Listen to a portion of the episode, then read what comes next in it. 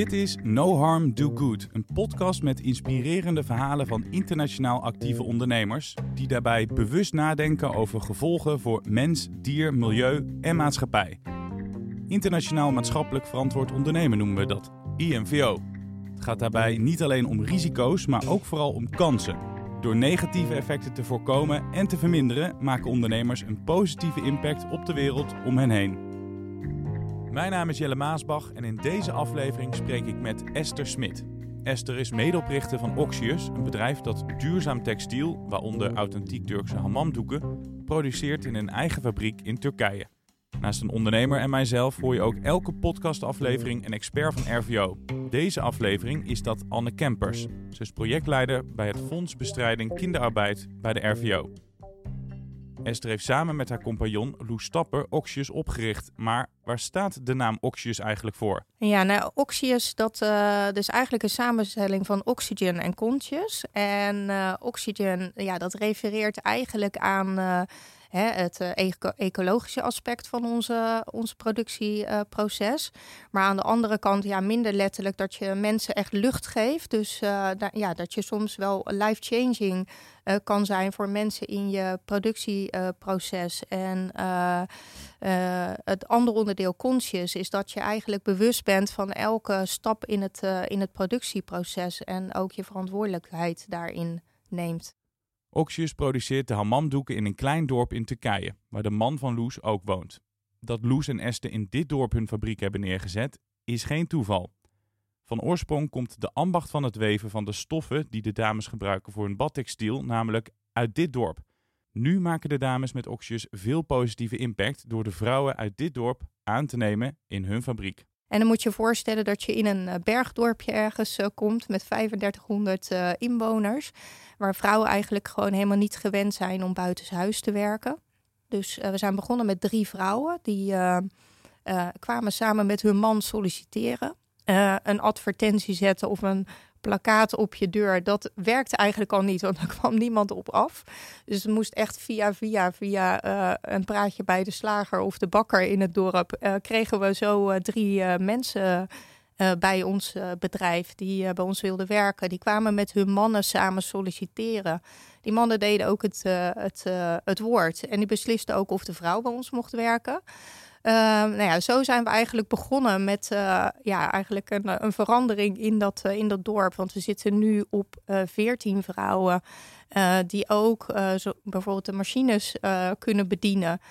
die doorgegroeid zijn naar leidinggevende functies. Want je moet je voorstellen, als jij met je man komt solliciteren, dan zegt dat natuurlijk wel iets over uh, ja, uh, de zeggenschap die jij, uh, die jij hebt ja, binnen wat je gewend bent.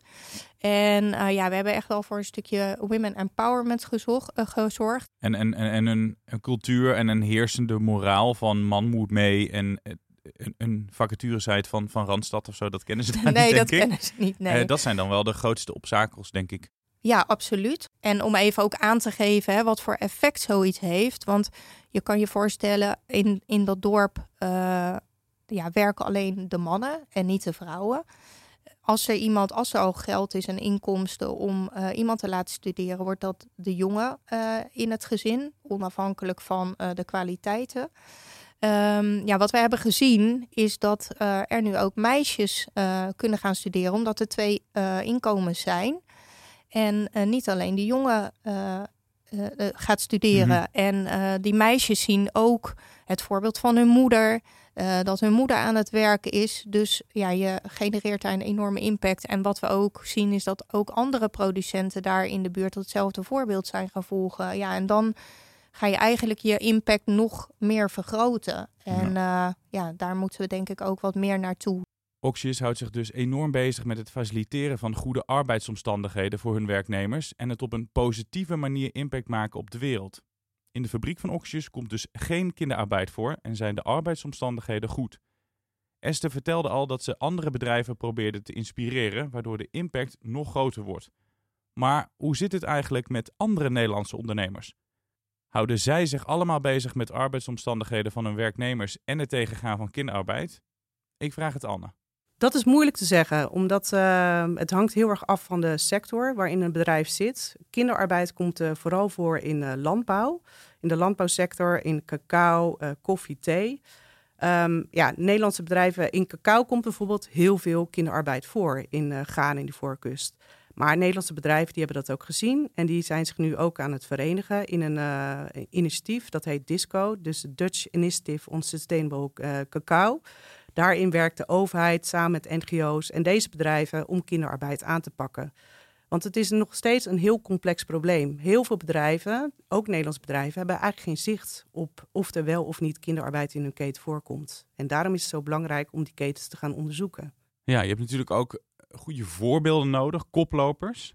Ja. Uh, hè, mensen die het goede doen, dat je kan zeggen, nou kijk naar dit bedrijf. Kan je zo'n zo'n koploper noemen? Ja, we hebben er meerdere. Uh, wij noemen dat uh, binnen het fonds ambassadeurs. Uh, dat zijn bedrijven die al een project hebben gedaan en die kinderarbeid echt heel erg hoog hebben zitten, zeg maar, in hun bedrijfsbeleid. Dus bovenaan. Een van die koplopers of ambassadeurs, dat is Verstegen. Die zijn op bezoek gegaan ja, naar Indonesië, naar hun leveranciers en hebben kinderarbeid gezien. En toen zei ze, dat willen we niet. Dus die zijn er iets mee gaan doen. Ja, en wat zijn ze precies dan uh, gaan doen? Het is vooral in gesprek gaan met je leveranciers. En ook zorgen dat, uh, dat je goede samenwerkingsrelatie krijgt. Omdat je het, je kan het wel zeggen, maar het is soms ook echt heel lastig. Dus samen kijken wat je eraan kunt doen. Samen met je leveranciers. Ja, jij zei terecht, dit is dan een van de, van de voorbeelden, Verstegen. Wat kan je als bedrijf doen om hun goede voorbeeld te volgen. Wat zij hebben gedaan, dus uh, vond ik wel mooi wat je zei in Indonesië, om met hun eigen ogen te zien hoe slecht de situatie is. Maar misschien zijn er ook nog andere manieren hoe je het net zo goed kan doen als, als Verstegen. Ja, in dit geval was het inderdaad de directeur en de, en de directeur, zeg maar, uh, maatschappelijk verantwoord ondernemen van uh, Verstegen. En ik denk dat dat heel erg belangrijk is. Binnen een bedrijf op, het, op de kaart zetten. Vaak komt dit bij een CSR-afdeling vandaan. Maar een management moet dat heel erg omarmen. Die moeten ook in gesprek gaan met inkoop, omdat die vaak nog zeg maar inkopen op basis van prijs en niet op basis van duurzaamheid of komt de kinderarbeid eh, voor in de keten. Um, maar ook met uh, procurement afdelingen, uh, met de juridische afdeling. Dus eigenlijk alle afdelingen moeten het omarmen. Ja, en daarnaast, uh, kijk in de databases, kom bij het fonds. Er zijn zoveel mogelijkheden om, uh, om dit voorbeeld ook te, te, te volgen. Maar je moet het als bedrijf gewoon omarmen. En je moet er gewoon iets mee gaan doen. Neem het initiatief. Ja, is dat de reden ook waarom veel bedrijven die eerste stap niet zetten? Omdat ze beetje huiverig zijn, dat ze het nog niet durft omarmen? Zeker, dat snap ik wel. Uh, omdat het natuurlijk gewoon een taboe is. Ik snap het als uh, bedrijf ook, want ze denken dat het heel veel geld kost uh, om dat hele bedrijfsbereid te veranderen, om projecten op te zetten. Nou ja, daar zijn de subsidies ook voor vanuit de Fondsbestrijding Kinderarbeid. En ze zijn, er zijn ook voorbeelden van dat als er inderdaad kinderarbeid voorkomt in de keten, dat dan inderdaad ja, de media daar echt bovenop gaat zitten. Terwijl je eigenlijk moet zeggen, wat goed dat je het gaat doen. Wat goed dat je daar open, eh, open over bent. Wees transparant en zorg dat je gewoon je hele keten in kaart brengt. En weet dan, uh, ben dan inderdaad ook gewoon open uh, naar je consumenten toe. Dat je er iets aan, aan het doen bent.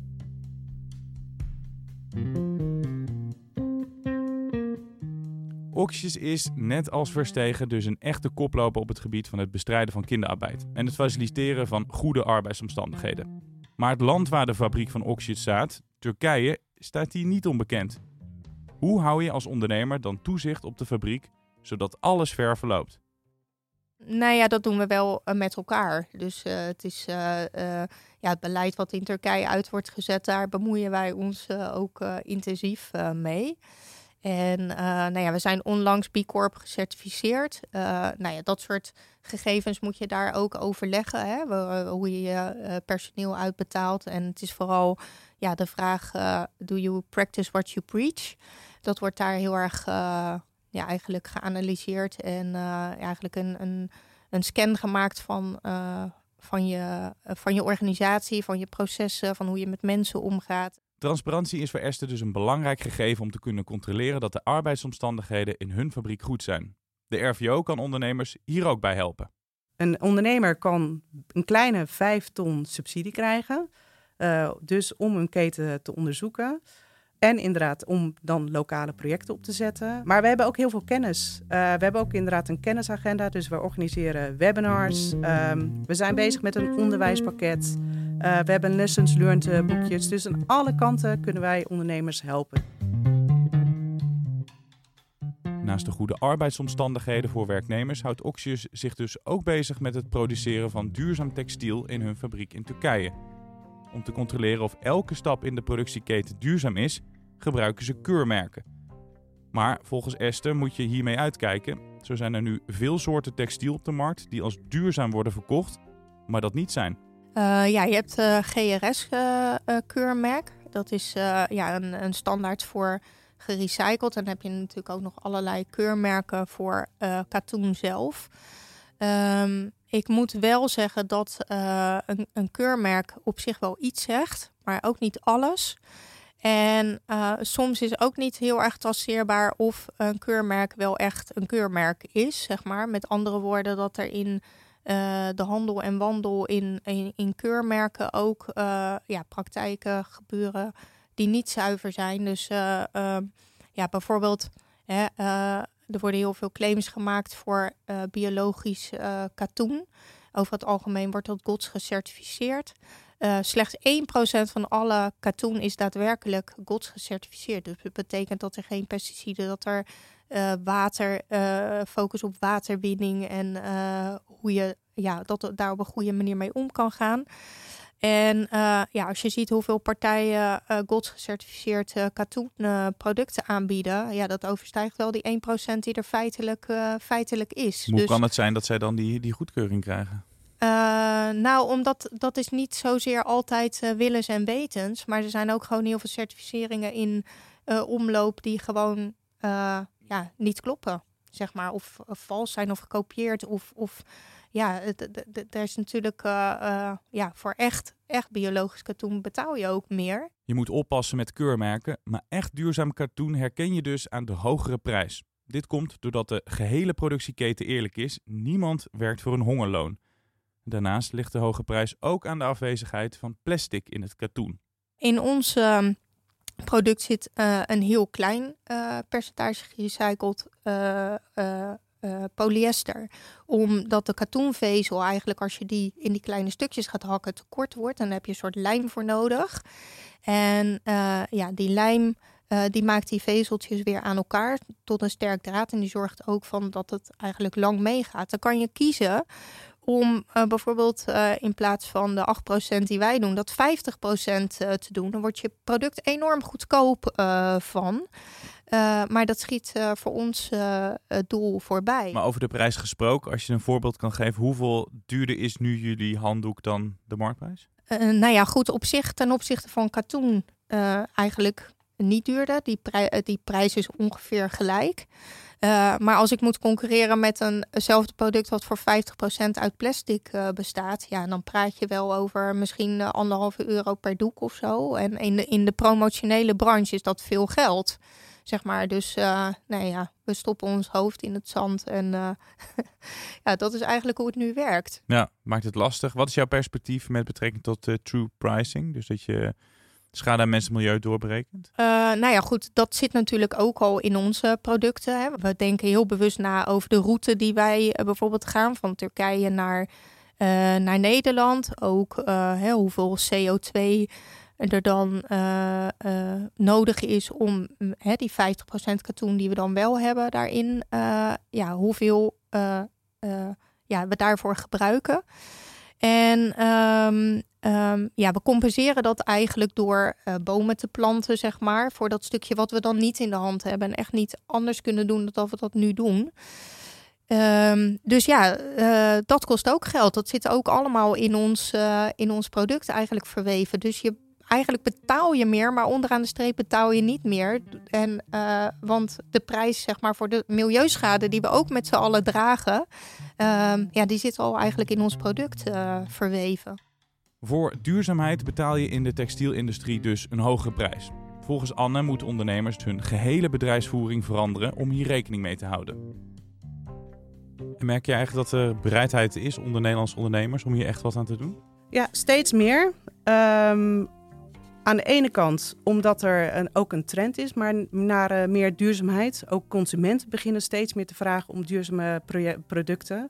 Uh, en tegelijkertijd ja, is er ook eigenlijk wetgeving op komst. Um, er is al een wet uh, zorgplicht kinderarbeid. Die is, nog, die is wel aangenomen, maar nog niet uitgewerkt.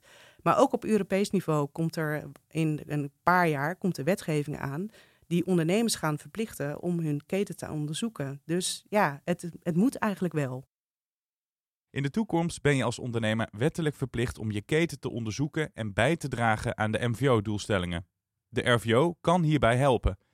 Ook Esther heeft hulp gekregen van de RVO. Tijdens het laatste event, uh, export-event van, uh, van de RVO, eh, ja, kregen wij een podium om ons verhaal te vertellen.